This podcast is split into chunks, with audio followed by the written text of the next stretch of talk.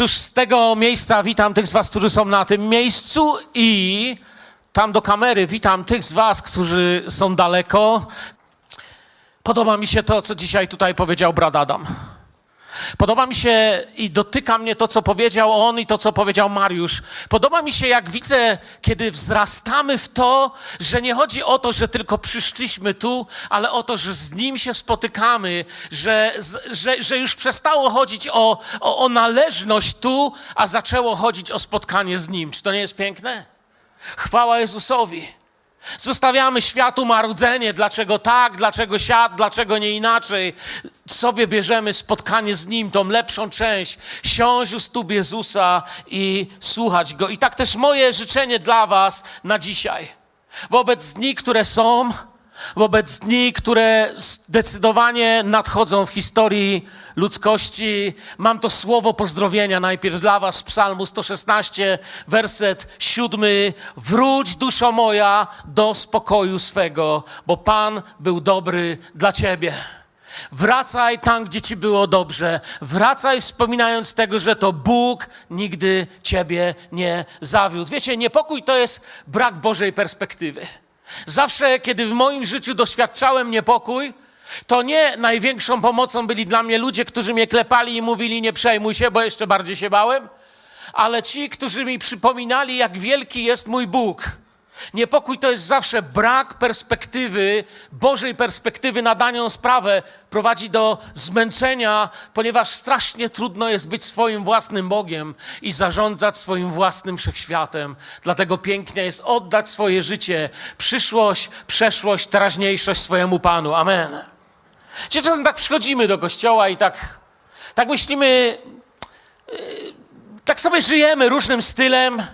Jedni chodzą, Jedni oddali wszystko Panu, inni się zastanawiają w ogóle, czy go poważnie traktować. Czasem, kiedy zgromadzamy się, trochę przypominamy takich dwóch pasażerów z jednej anegdoty w pociągu. Jak sobie jadą, wiecie, tym najnowocześniejszym pociągiem, to chyba musiało być to Pendolino albo jeszcze nowocześniej. I tak sobie wyszli w korytarzu rozprostować kości, tak jeden stoi, patrzy w okno, krajobraz mija z ogromną szybkością, bo to już było na tej wyremontowanej linii i szybko jedzie pociąg.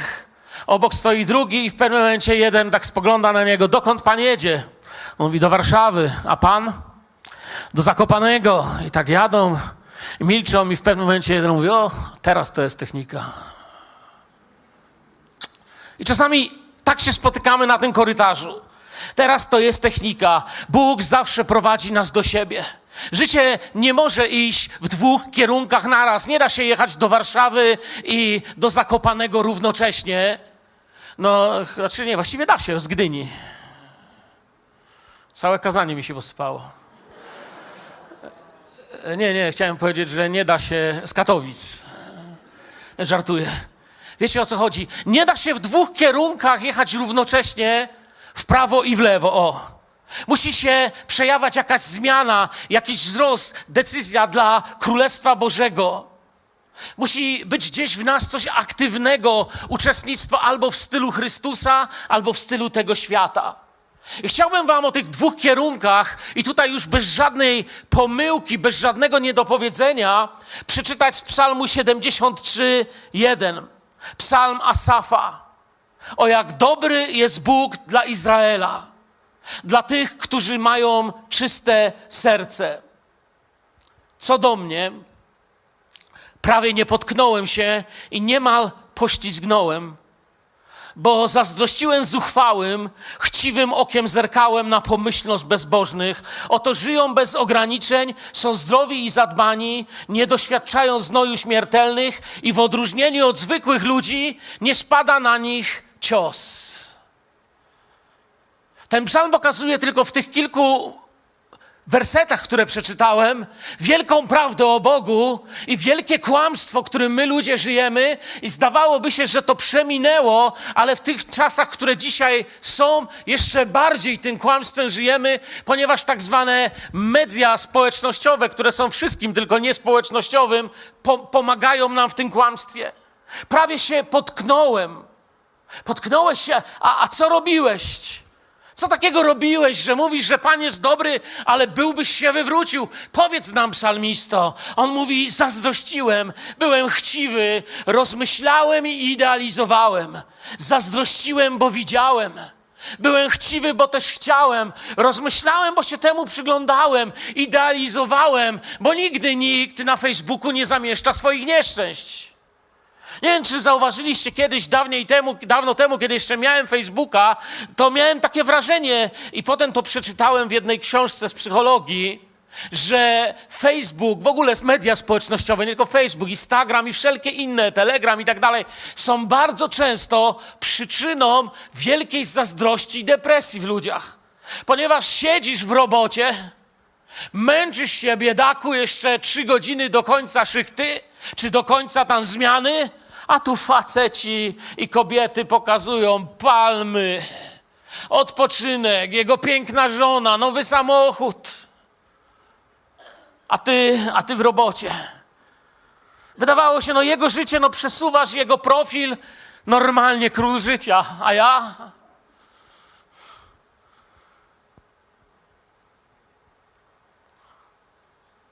Bo, mówi, niemal nie potknęły się nogi bo, bo Bóg jest dobry dla tych, co mają czyste serce. Bo jak nie mają czystego serca, to Bóg się wydaje zły. Wydaje się, że nie dostaje to, czego chce. I zaczynam sobie tworzyć swojego Boga i o czymś bardzo niebezpiecznym dzisiaj, kiedy chciałbym też powiedzieć pomiędzy wieloma innymi rzeczami. Dzisiaj głównie w moim słowie będzie się przewijać słowo jarzmo, czymkolwiek wam się kojarzy. Ale zanim w to wprowadzę, chcę powiedzieć, że właśnie y, mając zły obraz, wydaje nam się, że Bóg jest zły, bo nie daje nam tego, co chcemy, a bezbożni w gruncie rzeczy mają wszystko to, co chcą. Dlatego zazdrościłem. Dlatego chciwym okiem zerkałem, pisze psalmista, bo, bo zazdrościłem. Wiecie, ten, ten, ten spójnik przyczyny, bo jest kluczem do wyjaśnienia wielu naszych potknięć. Bo się uczyłem i tak mi się wydawało, że że w gruncie rzeczy, gdybym ja był Bogiem, to byłbym chyba dla siebie trochę lepszym Bogiem niż jest mój Bóg. I zaczynamy marudzić. Wydaje nam się, że bezbożni żyją bez ograniczeń, zdrowi, zadowolony. Normalnie kiedy ten chłop pracuje? Nie doświadczają znoju śmiertelnych, no bogowie prawie.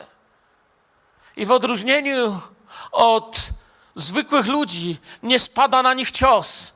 A skąd wiesz, że nie spada na nich cios? No popatrz na jego Facebook, widzisz jakiś cios. Popatrz na jego życie. A potem nagle się urywa i się okazuje, że zniknął, że się powiesił, że go nie ma. Widziałem to, wiele razy to widziałem.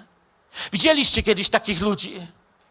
Ja myślałem, że nie, ale właśnie ich widziałem wtedy, kiedy nagle przepadali, kiedy mi się wydawało o ludzie.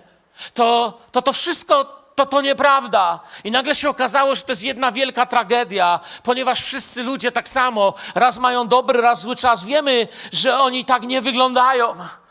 Zamieszczają zdjęcie, patrzysz na tą twarz i, i może jesteś siostrą, myślisz sobie szok. Ja mam 35, ona 45, wyglądam jakbym ją do przedszkola odprowadzała. Jak ona to robi? Mam ten program, powiem ci, jak to robi. Omal nie potknęła się noga moja, bo, bo uczyniłem ich wzorem, obiektem rozmyślań. Oni w moim życiu ustanowili, co jest ważne, a co nieważne. Oni zdecydowali, co jest modne w moim życiu. Oni zdecydują, za czym będę biegał, co będę nosił, jak będę wyglądał. Odwracamy się od tego. Amen. Idziemy dalej. Chcemy uczyć się Jezusa, chcemy widzieć i widzimy coraz bardziej, że ci, którzy ogłaszają prawdziwe zwycięstwo, zwycięstwo, przy którym lekarze y, kiwają głowami i mówią: No, no to musiał być cud. Zwycięstwo, przy którym inni mówią, jak ten człowiek z tego wyszedł. Ostatnio kilkakrotnie tutaj celowo w jakiś sposób zapraszaliśmy ludzi, którzy wyszli z różnego rodzaju problemów. Zauważyliście ostatnio, seria takich gości była. Wiecie, to nie jest żaden przypadek. Jeżeli ktoś używa słowa przypadek, nie musisz szukać w słowniku języka polskiego, co znaczy przypadek. Powiem ci, co znaczy przypadek. Zapisz sobie, jak nie wiesz. Masz długopis? Przypadek, myślnik, Duch Święty incognito. To jest przypadek. Nie ma przypadków.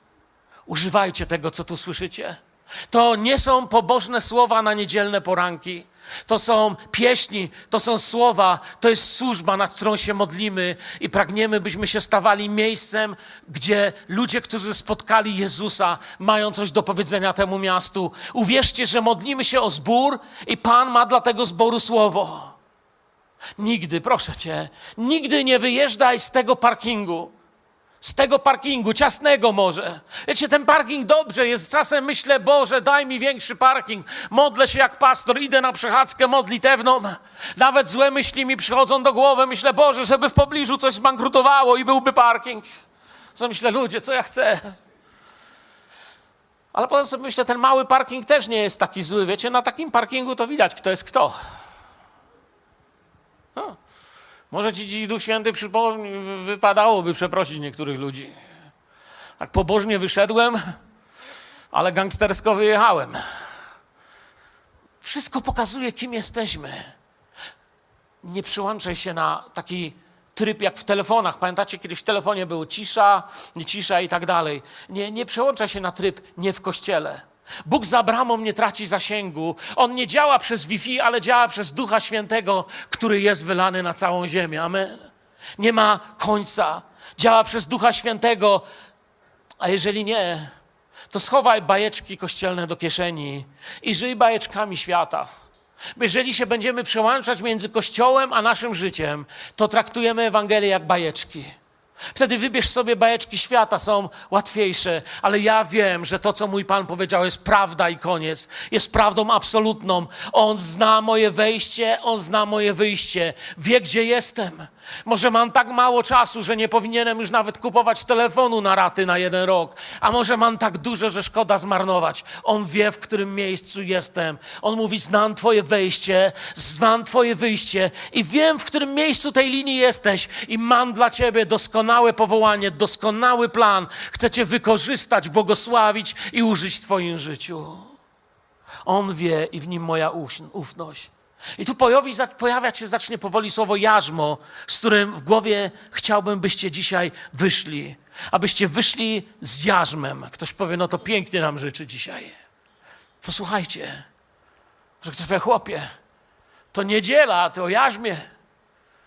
Nam się jarzmo nie kojarzy z niedzielą. Cie samo w sobie słowo jarzmo kojarzy się nam z czymś ciężkim i trudnym. Jeżeli ktoś jest trochę starszy, to nawet widział jeszcze jarzmo. Ja nawet widziałem jarzmo. Właściwie to nie trzeba być starszym. No, byłem akurat na wakacjach w tamtym tygodniu i w tamtym tygodniu widziałem jarzmo na żywo używane. Ale jeśli ktoś w Polsce cały czas był, to jeszcze ileś tam lat temu używano je. Słowa jarzmo kojarzy nam się z czymś ciężkim. Widzimy, jak ktoś pod tym jarzmem niesie. Czasami jarzmo dla dmuch, dla jednego są różne rodzaje. Słowo jarzmo, ujarzmiony pod jarzmem, nie kojarzą nam się z jakimś fajnym życiem. No, no nie kojarzą się z tym, że naprawdę moje życie mm, miałoby być tym, o czym bym sobie tutaj marzył. Ale posłuchajmy Jezusa, jednak to za chwilę. Zanim przeczytam to, czego się wszyscy domyślają, czyli słowa, które zaczynają się przyjdźcie, pójdźcie do mnie wszyscy, warto też zadać własny stan. Bóg o tym jarzmie mówił przez Stary i Nowy Testament. W jakiś sposób jarzmo stało się takim Bożym nauczaniem. W jakiś sposób Bóg o nim wiele opowiadał. I warto zbadać własny stan. Jest takie słowo, powtórzonego prawa, czy piąta księga Mojżeszowa, jak wolicie, 28 y, rozdział, 47, 8 werset, gdzie Bóg mówi za to, że nie służyłeś Panu Bogu Twemu w radości i w dobroci serca, mając wszystkiego w bród. Bo to był Boży plan dla nich. Służcie mi, to jest Jego jarzmo. Jarzmo jest służbą. Będziesz służył swoim nieprzyjaciołom, których Pan ześle na ciebie w głodzie, w pragnieniu, w nagości i w niedostatku, wszystkiego i włoży żelazne jarzmo na twój kark, aż cię wytępi. Bóg mówi: Miałeś moją radość, ale zrezygnowałeś, miałeś swój plan o to, co się dzieje, kiedy działasz według tego, co tobie się wydaje, i te słowa aż cię wytępi. Gdzie Chrześcijanie nie znikają przez prześladowania. w naszym kościele nie wiem, ilu ludzi znikło przez prześladowania. Prawie nikt. Kiedy rozmawiam z ludźmi z kościołów, które są prześladowane w jakiś sposób, czy miałem okazję, nikt tam nie mówi, że chrześcijanie znikają z powodu prześladowania, albo bardzo mało, bardzo mało ich znika. Jeżeli poczytacie na temat prowadzenia swojego duchowego życia, chrześcijanie znikają przez troski i dużą liczbę zajęć, które wkładają w miejsce Boga. Jeżeli przypomnisz sobie, jakiś Twój upadek w Twoim życiu i czas, kiedy być może chwilowo nie chodziłeś tutaj, nie brałeś udziału w czytaniu słowa, nie napełniałeś się im, nie byłeś biblijnym tatą, mamą, mężem, żoną i tak dalej, to prawdopodobnie przyczyną Twojego upadku nie były prześladowania. Było, było, było zbyt, była zbyt wielka ilość trosk, zbyt mała ilość ufności Bogu i zbyt wielka ilość zajęć. Wiem, że mam rację, amen. Wytępienie może oznaczać wiele, ale też usunięcie z naszego życia słowa, modlitwy, prawdy, świadectwa, sabatu, służby. I zostaje tylko nazwa chrześcijanin. Poszliśmy kiedyś do Muzeum Historii Naturalnej. I tam stało zwierzę, przy którym kłębiło się trochę więcej ludzi niż przy innym.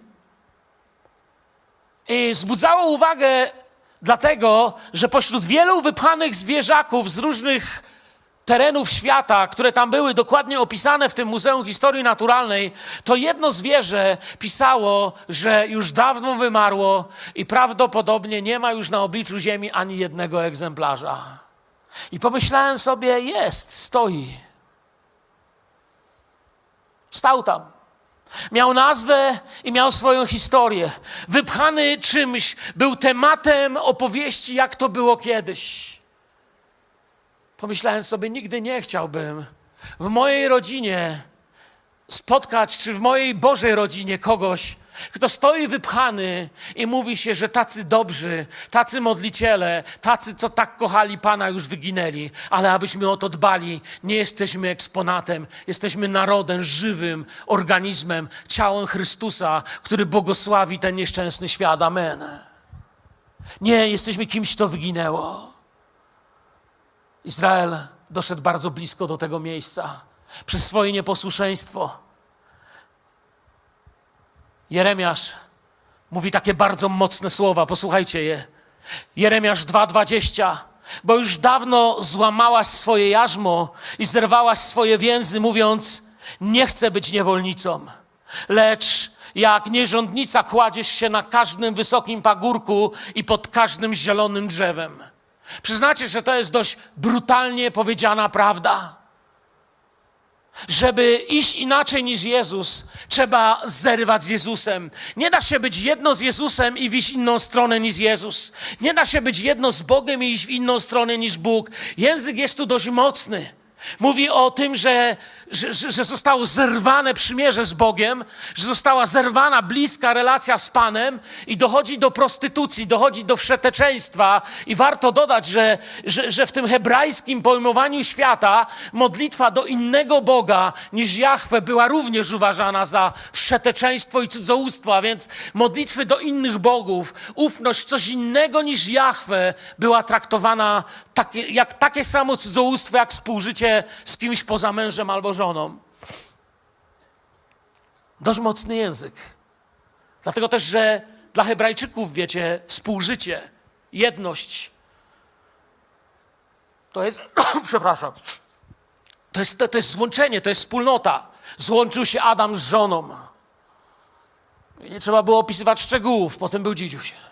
Dla nich to jest jedno. I mając o,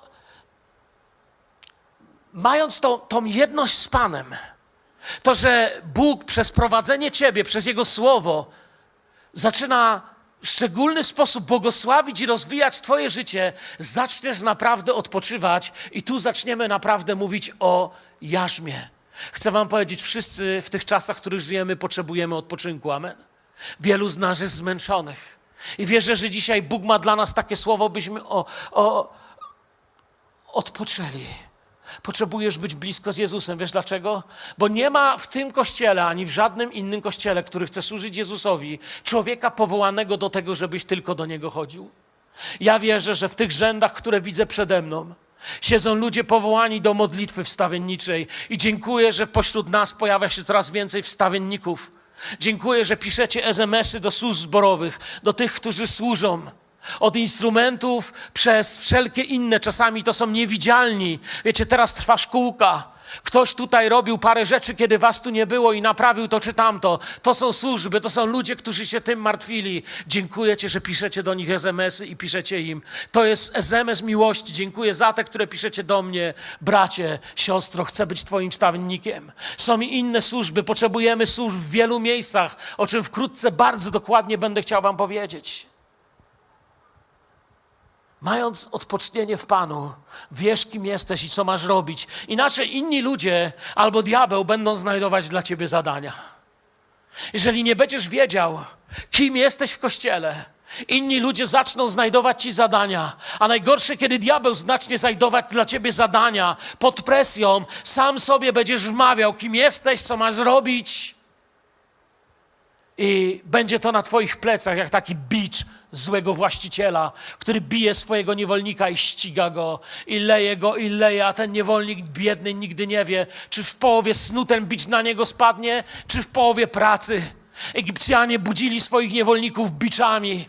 Wielu panów budziło niewolników biczami, poganiali ich biczami. Ten niewolnik był bity i w czasie bicia musiał się domyśleć, gdzie się pomylił i dokąd ma iść. I wielu ludzi tak żyje. Ludzie, krytyka, różnego rodzaju rzeczy wyznaczają im kierunek. Duch Święty ma do ciebie dzisiaj słowo. Tak mówi do ciebie Pan. Chrystus przyniósł nam wolność. Z Galacjan, amen? Chcę wolności Chrystusa, amen? Chcę wolności Chrystusa. Stójcie więc niezachwianie i nie schylajcie się już po, znów pod jarzmo niewoli. Bóg zawsze namawia do wyprostowania głowy.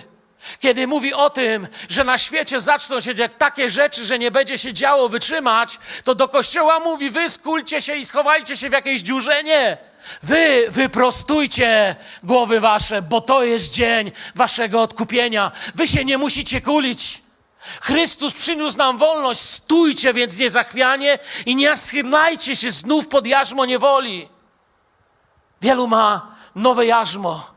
To jest takie, wiecie, dzisiaj znowu w modzie jest jarzmo w duchu Egiptu, Asyrii, Babilonu. Teraz niedawno wróciłem z historycznej, dość naukowej takiej wyprawy czy wycieczki do Egiptu. Egipt miał dziesięciodniowy tydzień pracy. Kiedyś, jak przerobię materiał, który zrobiłem, na pewno się będę chciał czymś z wami podzielić. Egipt miał dziesięć tygodni pracy. Ludzie tyrali dziesięć dni, a potem tylko dlatego, że faraon czasami świętował, mogli odpocząć, a i to nie zawsze. Mało tego, była taka technika i w Egipcie, i w Babilonie stosowana wobec niewolnika, że im lepiej niewolnik traktował, to to, co w tamtym tygodniu było dobrą pracą, za którą Pan mówił, no dobrze pracujesz, w tym tygodniu było już normą, za którą karano, że jej nie zrobiłeś. Czy nie widzicie ducha Egiptu i Babilonu w naszych dzisiejszych firmach, w naszych czasach? Im lepiej pracowałeś, tym większe wymagania. Asyria i Babilon nie miały w ogóle weekendu, w ogóle żadnego wolnego, nie mówię już o sabacie żadnym, dla niewolników z wyjątkiem ucz i świąt poświęconych im własnym bałwanom. I dzisiaj znowu nie mówię teraz o narodowości, ale o duchowości. Firmy egipsko-babilońskie są znów często w modzie. Sami je tworzymy. Nie ma czasu. Nie ma czasu, by wyjść i znaleźć się na pustyni dla Pana, tak jak chciał naród, aby oddać cześć Panu. Mojżesz miał powiedzieć do Faraona, wypuścisz naród. On chce iść oddać cześć. Nie, nie ma czasu. Jeszcze wam utrudnimy robotę. Będzie jeszcze trudniej i jeszcze mniej czasu. I ludzie ryją, i ryją, i ryją, i pędzą, i upadają, nie wiedzą, kim są. Chcę wam powiedzieć wielką tajemnicę. Wiesz, po czym poznasz, że jesteś owcą? Pana, albo jesteś. Biblia mówi tak, jeszcze inaczej zacznę, że jest dwóch pasterzy. Pan jest pasterzem moim i śmierć jest pasterzem. Dwa takie zdania są w Biblii. Obydwa w psalmach. Kto jest Twoim pasterzem? Dowiedziałem się niedawno szokującej rzeczy. Wiecie o tym, że owce, was to też szokuje teraz, wiecie o tym, że owce zawsze idą za swoim pasterzem? To wiedzieliście, tak? To nie jest szokujące. Jest jeden wypadek, kiedy owce pędzi się przed pasterzem. Wiecie kiedy? Do rzeźni. Czy ty idziesz za, czy jesteś pędzony przed? Kto jest twoim pasterzem? Czy czujesz, że idziesz za i on jest numer jeden? Możesz mu oddać chwałę i cześć.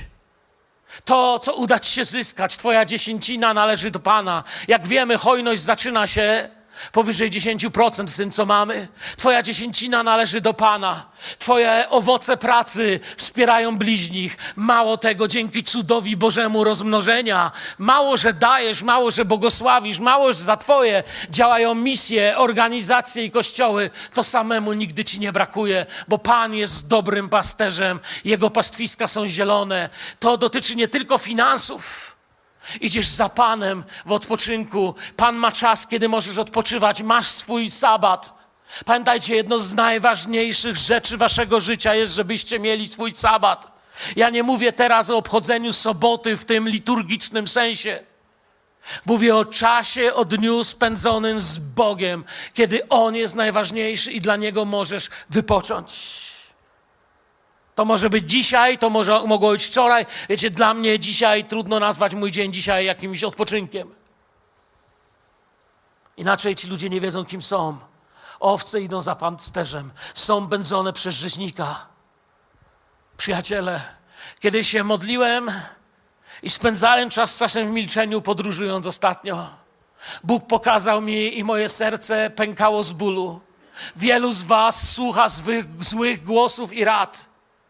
W swojej głowie cały tydzień słuchacie nie tego głosu, co trzeba. Napełniacie się nie tym, co trzeba. Dlatego wiele razy jesteście wypaleni, macie lęki, depresje i bezsenne noce. Musicie się zacząć napełniać, musicie zacząć podnosić to, co ma dla Was Jezus. Krzyczą na Was i dają stres. Źli panowie tego świata. Wiecie, jak oni się nazywają? Krzyczą głosy z przeszłości. Kim jesteś? Co zrobiłeś? Nigdy ci tego nie wybaczymy. Nigdy nie wyjdziesz z tego. Już nigdy nie dasz sobie rady. Krzyczą głosy z przyszłości. Poczekaj, jeszcze zobaczysz, jeszcze spotkasz. Nowotwór jeszcze wróci. Bieda jeszcze wróci. Jeszcze nie będziesz miał chleba. Jeszcze będziesz biedny. I Bóg nazywa cię po imieniu. Pamiętaj, Pamiętaj, diabeł zawsze nazywa cię po grzechu. Diabeł będzie cię nazywał wariatem, schizofrenikiem, narkomanem. Będzie cię nazywał jak chcesz. Bóg nazywa cię po imieniu, ponieważ chce ci zadać pytanie, czy chcesz być uzdrowiony. Co wy na to, Filadelfia? Oddajmy chwałę Jezusowi. Chwała Jezusowi. Powiedziałem jarzmo, niezły wstęp, nie? Jest 11.10, chłop kończy wstęp. Znaczy profesjonalnego kaznodzieję. Profesjonalni kaznodzieje mówią, że wstęp nie powinien trwać dłużej niż 7,5 minuty. Ja mam 27,5 minuty. Nie, nie, skończę na czas. W Biblii mamy kilka zastosowań terminu jarzmo. Zawsze jarzmo było symbolem ucisku i niewoli. Opisywało niewolę Izraela w księdze Mojżeszowej, co już wspominałem. Pojawia się w psalmach, co też już wspominałem, gdy Izrael całkowicie traci wolność. Jarzmo jest symbolem utraty wolności. W większości wypadków tak się kojarzy, a Jezus użył go w pozytywny sposób i do tego zmierzam, ale chciałem pokazać cały ten negatywny spektrum. Historyk Tytus Liviusz, rzymski historyk z Patavium, napisał kiedyś o rytuale jarzma i znalazłem to, co pisał. Nie mogłem tego przypisać całe, bo to było za długie, więc tylko streszczę, co napisał. Rytuału doświadczali wrogowie armii, która została pokonana. Na początku ten rytuał miał znaczenie czysto duchowo-magiczne, a potem już znaczenie poniżające. Pokonani rycerze czy pokonani żołnierze byli całkowicie rozbierani do naga, i przechodzili przed specjalnym jarzmem ułożonym z włóczni. Dwie potężne włócznie były wbijane w ziemię, nad nimi była jeszcze jedna i przejście przez to jarzmo oznaczało zmianę statusu. Człowiek przed tym jarzmem był żołnierzem, był jeńcem. Człowiek po tym jarzmie był niewolnikiem, który szedł na sprzedaż i któremu można było powiedzieć, co się chce. Był kimś, z kim można było zrobić, co się chce. Było to poniżające, bardzo, bardzo poniżające wy wydarzenie. Pokonani wchodzili w to, w to jarzmo, czy właściwie przechodzili pod nim i było mało tego, że poniżające, tak zrobione, że właściwie musieli się schylać, poddawali się pod nie. Żydzi nie znali tego terminu jarzma. To znali ludzie tylko związani z wojskową kulturą Rzymu. Ale tak mnie zaciekawiło, że kiedy Rzymianin mówił jarzmo, to właśnie coś takiego widział, szczególnie żołnierz legionów. Kiedy Żydzi usłyszeli, jak Jezus zaczął mówić o jarzmie, mieli zupełnie w głowie inną rzecz. Żydzi nie znali tego terminu, ale raczej kojarzyło im się to z rolnictwem. W każdym wypadku jarzmo oznaczało koniec pewnej wolności i oznaczało rodzaj wspólnoty i wspólnego działania. Bóg się nie zmienił. W księdze kapłańskiej Pan mówi: Jam jest Pan Bóg wasz, który wyprowadziłem was z ziemi egipskiej, abyście nie zostali ich niewolnikami. Co w związku z tym zrobił? Nie wiem, czy, czy, czy tam wyświetla się ta kapłańska 26-13, czy nie, nie ma jej. To wam przeczytam, co w związku z tym zrobił połamałem drewna waszego jarzma i sprawiłem, że wyprostowani chodzić możecie. Słyszycie to? Połamałem jarzmo i znowu wyprostujcie się, bo to jest wasze odkupienie. Mówiłem wam wcześniej, prawda? Bóg mówi o wyprostowaniu się. Stworzeni do wolności, do chodzenia prosto, nie pod jakimś jarzmem, ani jak Rzymianie, by się zgiąć. I zgięty teraz idę na rynek niewolników, ani nie jak jakieś wiecie, niewolnik, który już pada ze zmęczenia. Bóg mówi: Mam dla was inne jarzmo, bo on wiedział, że wiedzieć, kim się jest, dodaje siły i pozwala odpoczywać. Jest taka pieśń, którą nasze grupy uwielbienia często śpiewają, że ja wiem, że jestem dzieckiem Bożym. Że jestem dzieckiem Bożym. To jest to, co o sobie wiem. Po drugie, kiedy wiesz, kim jesteś, to bardzo szybko zaczynasz wiedzieć, co robisz a nie wiedząc, kim jesteś, nie wiesz, co robić, wiesz najwyżej, jak wegetować. Najszczęśliwsi ludzie świata, wiecie, kto to jest? Kiedyś ludzie myśleli, że najszczęśliwsi są ci, co mają dużo pieniędzy. Albo coś tam jeszcze. Badania psychologiczne pokazują zupełnie coś innego. Najszczęśliwsi ludzie to robiący w życiu coś, co się liczy. Kiedy robisz coś, co ma sens. Bo kiedy robisz coś, co nie ma sensu, to nieważne, czy to kosztuje dużo, czy mało, jesteś nieszczęśliwy. Jeśli wiesz, dlaczego tu jesteś, będziesz wiedział, co robić. Dlatego jest tak ważne to, co powiedziałem, czemu mi się tak podobało, co dziś powiedział brat Adam, co powiedział brat Mariusz, co się tutaj przejawia w pieśniach, w naszych kazaniach i kolejnych nauczaniach. Spotkałem się z Jezusem. Wiem, że jestem Twój. Bóg Cię poprowadzi. Wobec tego, co słyszeliśmy przed chwilą. Bóg nam chce coś powiedzieć i Jezus nam powie. Nasze powołanie ma konkurencję. Jest konkurencja. Tysiące nieważnych rzeczy w Twoim życiu, które chcą odwrócić swój wzrok i nałożyć na Ciebie takie jarzmo, żebyś najlepiej na nic w życiu nie miał czasu, najlepiej, żebyś nie miał czasu nawet umrzeć ani żyć. Nie upadniemy, bo masz coś lepszego, na czym skupiasz wzrok. Ludzie, którzy idą pod właściwym jarzmem, nie upadają, bo wiedzą, gdzie patrzeć, wiedzą, kim są. Słyszałem, to nie jeszcze nie w tym zborze to było. W jednym z poprzednich moich zborów podeszła do mnie osoba i mówi: Pastorze, moim zdaniem, do dzisiaj pamiętam jej twarz. Pastorze, moim zdaniem bardzo ważne by było jedno kazanie, żebyś nam powiedział. Żebym nie przekręcił, zapiszę sobie, co mi powiedziała. Pastorze, potrzebujemy modlitwy. To, to brzmiało dobrze, tu się mogłem zgodzić i nauczania, które usunie stres z naszego życia, które sprawi, że zniknie stres z naszego życia. Wiecie, najpierw pomyślałem, co, co ja mogę powiedzieć. I nagle zobaczyłem, że to jest pewnego rodzaju pułapka. Nie, nie, to nie ta osoba mnie próbowała w pułapkę. Ja myślę, że jest silniejsza, większa duchowa siła. To się nigdy nie stanie. Stresu z tego świata, dopóki jest taki, jaki jest, nigdy się nie usunie. Z tego świata nigdy nie zniknie stres.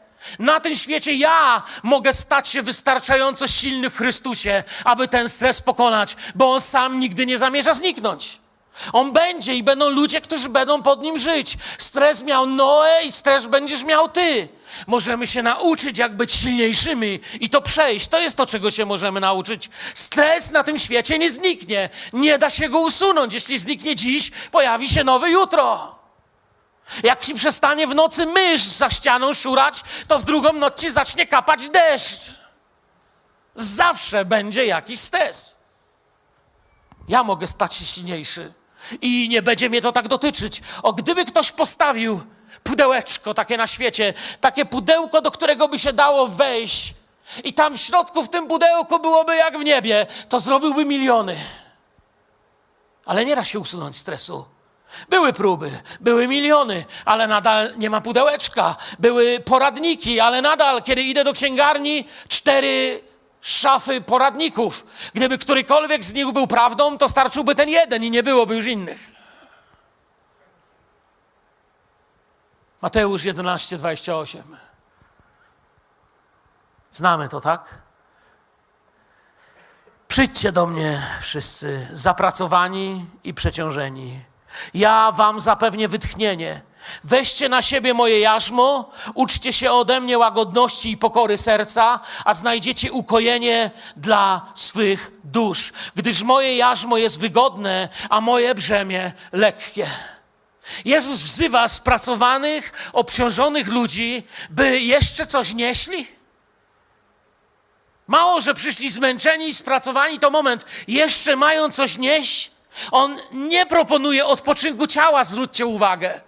To jest pierwsze, co tu w tych wersetach powinniście zobaczyć. On mówi: Ja nie tyle na tym świecie dam wam ukojenie ciała, dam wam ukojenie duszy, a z ukojoną duszą bardzo dużo zrobicie. Poczujecie się silniejsi, radośniejsi i więcej zrobicie. Spracowany tu oznacza to, co oznaczało wobec woła. Oznacza, że człowiek jest zużyty, poraniony, pokryty bliznami, wyczerpany. To znaczy słowo spracowany. Obciążony znaczy, że niesie już więcej, niż mógłby unieść. A więc mówi, przyjdźcie ci, którzy macie blizny, zmęczenie, pot i czujecie, że jeszcze, jeszcze kropelka i nie dacie już rady. Jednak Jezus mówi te wielkie słowa, a my chcemy je pojąć, bo wiem, że Jego plan dla mnie jest dobry. Amen. Jezus mówi do nich w trudnych czasach stołem i słuchając wokół Rzym. Nie wiedzą nawet, czy tym poranionym wołem i zmęczonym ciałem będą jutro mogli zaorać swoje pole, bo może znów się Rzymianom coś odwiedzi i coś zabiorą. Rzym zmusza ich do takich podatków, przy których muszą tak orać i tak pracować, że normalny człowiek nie jest w stanie dać rady tego utrzymać. Jeżeli nie zapłacisz poborcom podatkowym kwoty, którą ci wyznaczą, zabiorą ci własną żonę, jeśli jest młoda, a jak nie, to córka albo syna. Możesz już nigdy nie zobaczyć swoich dzieci, albo wyrzucą cię z twojej ziemi. Jak mamy nie być zmęczeni? Jak mamy dalej żyć? Weźcie na siebie moje jarzmo. Oto werset właściwie nie do doświadczenia bez modlitwy i zmian. Nie ma w tym wersecie żadnej propozycji odpoczynku bez decyzji dla zmian. Czujemy, jakby najpierw muszą przyjść zmiany i modlitwa, a dopiero potem przyjdzie odpoczynek. Nie ma propozycji odpoczynku i spadających z nieba błogosławieństw. Są takie próby głoszenia Ewangelii. Przyjdź do Jezusa, a naprawdę będziesz leżał bykiem, będą w czasy pod gruszą, a Bóg ma dla ciebie wszystko. Ale tego nie ma. Przyjdźcie do mnie, dam wam odpocznienie. Człowiek jak to człowiek. Nieraz chciał przez zadręczanie się, biczowanie się, uniżanie się nieść Jego krzyż. Próbowali ludzie nieść Jego krzyż. Ale ono to w ogóle nie prosi. Nigdy nie kazał nam, żebyśmy sobie zbudowali klęcznie, którym będziemy sobie zadawać razy ostrym biczem albo klęczyć na połamanym szkle czy grochu. Prosi, mówi, weź i daj mi Twoją wolność, zaprzęgnij się ze mną. My słyszymy jedynie, że znów trzeba się czymś obciążyć. A on mówi, że powinniśmy iść razem przez ten świat. To jest to, co mamy słyszeć. To doprowadza do dojrzałej modlitwy. Nie potrzebujecie, kochani, chodzić do kościoła. Absolutnie. Potrzebujemy osobistego spotkania z Bogiem, a Kościół utworzy się z tego, że ludzie, którzy osobiście Boga spotkali, będą się chcieli ze sobą spotkać. Tak się tworzy Kościół. To nie wygląda jak załatwianie swoich spraw. Daj, zrób, spraw. Wiecie, czasami tak przychodzimy do Boga. Panie Boże, Panie Boże, daj, Panie Boże, daj, Panie Boże, spraw, Panie Boże, zrób, Panie Boże, załatw. On nie tak działa. Chodź do mnie, weź moje jarzmo. Chcę, byście to dziś usłyszeli. Poddaj się pode mnie i ja cię poprowadzę drogą, gdzie wielu tych rzeczy już nie będzie. To jarzmo to nie tyle ciężar, co objawienie tego, po co się urodziłeś na tym świecie. Chcesz wiedzieć po co? 10, 15, 40, 80 lat temu twoja matka cię urodziła? Może twoi rodzice ci powiedzieli, że nie byłeś planowany? Może nawet w oczy ci powiedzieli, że w ogóle cię nie chcieli na tym świecie, a może cię kochali, chwała Bogu, ale dzisiaj Bóg ci mówi, nie urodziłeś się przypadkiem. Mam koło siebie jarzmo, miejsce w tym jarzmie dla ciebie. Chcę, żebyś ze mną szedł, znajdziesz tam ukojenie duszy. Musisz mieć sabat. To nie tyle ważne dla ciebie, co dla twojego duchowego życia. Odpoczniesz ze mną, spotkasz się ze mną, będziemy mieć czas roz, rozmowy, a potem będziemy szli razem. Dzień, kiedy napełniasz się przy Panu, dzień odnowy przy wszystkim, przestajesz mieć rany. Taki dzień usuwa to, co cię wysysa. Dzień przy, przy Jezusie. Niektórzy z Was są wysysani cały tydzień. Spotykam się z ludźmi z różnych służb muzycznych, psychologicznych, duszpasterskich. Stąd i stamtąd przyjeżdżają pastorzy, modlą się, przyjaciele pastorzy. Ja jeździłem do nich modlić się. I on mówi: Czuję się jak butelka, którą coś zasysa do środka. Czuję się jak dziurawe wiadro wiadro, z którego leje się woda, jak konewka, która podlewa, ale nikt do niej nic nie nalewa. Weźcie moje jarzmo. Moje jarzmo jest lekkie, jest dobre, jest uzdrowieniem dla Was, jest czasem odnowy. Boża recepta brzmi dzień ze mną. Upadek nie zaczyna się od fizycznego porzucenia służby, ale od narzekania, nerwów, kiedy Twoja służba powoduje, że masz rany, otarcia, ponieważ nie niesiesz jazma z Jezusem. Większość ludzi chce pracować. Ci, co chcą bardziej, wpadają w pułapkę tyrania. Psalm mówi, 129, trzeci werset. Po moich plecach jeździli oracze, pozostały mi po nim długie bruzdy, jednak Pan okazał się sprawiedliwy, zerwał ze mnie jarzmo bezbożnych. Nie mam już tych blizm. Jarzmo, samo słowo jarzmo. Ono pochodzi od proindoeuropejskiego. Połączyć zjednoczyć. Jasmo, o którym mówił Jezus, i to, co słyszeli ludzie, jeszcze raz powtórzę, dotyczyło tego drewnianego jarzma dla dwóch wołów. Jezus był cieślą. Chcę wam coś ważnego powiedzieć. Jezus był cieślą. Leszek, chodź na chwilę tutaj, ty się nie boisz. Pokażę wam coś na Leszku. Jezus był cieślą. Jezus wiedział, jak się robi jarzmo. Kiedy przychodził człowiek z wołem, wypłacz. Kiedy przychodził człowiek z woła, przyprowadzali. Jak chcesz, to ja mogę być wołem, żebyś się nie obraził. Ale ty nie będziesz wiedział, co powiedzieć. To dobry cieśla mierzył tego woła i sprawdzał, jak to zwierzę się porusza. I kiedy to zwierzę szło, to nie raniło go. Wiecie, były takie jarzma, jak my byśmy dzisiaj powiedzieli, takie jarzma z, z supermarketu, czyli takie dla każdego, jak okulary. Nie wiem, czy kupowaliście jakieś okulary do czytania. Zapomniałeś okularów, no to kupujesz w supermarkecie, nie? Ale z tych okularów nic nie ma. No, jeden dzień. Kiedyś moja znajoma okulistka, jak zobaczyła, że ktoś używa, mówi, czy ty zwariowałeś, oczy sobie chce zniszczyć. A ta osoba jej mówi, ale ja widzę, na chwilę. I tak samo by jarzma, albo by jarzma dobrze zrobione przez cieśle. Wiecie, co jarzmo robiło? Jarzmo łączyło, możesz mnie tak chwycić? Jarzmo łączyło dwóch wołów. Widzisz, też jestem wół. No. Tak jest, wiecie. Kiedyś jak badałem słowo nauczyciel, to się mówi nauczyciel. Nauczy co? Nauczyciele. Ostatnio Wołałem moją córkę i nie słyszała i w końcu usłyszałem z kuchni, jak moja żona mówi, Aneta, tata woła. Mówię, ty gdzie jest tata woła? Wół ma tatę. No przestańcie, no. Zobaczcie, w jednym jarzmie i teraz idź tam, gdzie siedziałeś. Nie no, idź, ale z jarzmem. Ale ja tam chcę. Widzicie, o czym ja mówię? Nie możecie chodzić w jednym jarzmie z kim? Wyobraźcie sobie, że on jest wierzący i Bóg mu mówi, idź teraz nam do twojej żony. Ale ja mam inne plany. Jarzmo powoduje, że chodzimy razem gdzie? To jest to, co ja chciałem pokazać. On jest silniejszy, mnie tam zawlógł, ale, ale był łaskawy dla mnie. Jarzmo powoduje, że trzeba iść razem. I Jezus mówi: chodź ze mną razem, bo nie może w jednym jarzmie chodzić dwóch ludzi o dwóch różnych planach, o dwóch różnych powołaniach. Dlatego ja przyjmuję dzisiaj moje powołanie od Jezusa. Jarzmo, które On dla mnie zrobił, pasuje. Zanim się urodziłem, On mnie już widział. Zanim przyszedłem na ten świat, On już wszystko wiedział. Jego jarzmo mnie nie rani.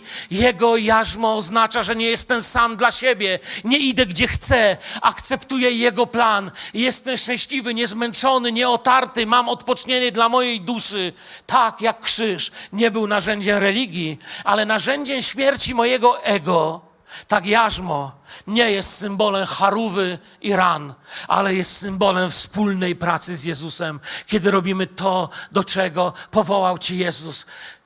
Jeżeli chcesz się dziś pomodlić, słuchajcie, musimy w naszym zborze skończyć z modlitwami typu Panie Jezu daj, Panie Jezu zrób, Panie Jezu rozwiąż, Panie Jezu spraw, Panie Jezu proszę Ciebie załatw. Tak nie wygląda prawdziwa modlitwa. Taka modlitwa do niczego cię nie prowadzi, bo modlisz się z pozycji, w której prawdopodobnie nawet jeśli Bóg będzie to chciał zrobić, to albo w cudowny sposób cię tam postawi, albo nie będzie mógł tego zrobić. Nie z powodu Jego niemocy, ale naszej nieuwagi, brudu i odejścia. Chcę Ci powiedzieć, jak się zaczyna prawdziwa modlitwa. Chcesz usłyszeć? Panie, oddaję Tobie. I tu zostawiam Ci dwukropek. Panie, Tobie powierzam. Panie, oddaję Tobie. To jest modlitwa, która wyrusza w wędrówkę, w której naprawdę niewiele będziesz musiał załatwiać. To jest coś, czego wszyscy się uczymy. Amen.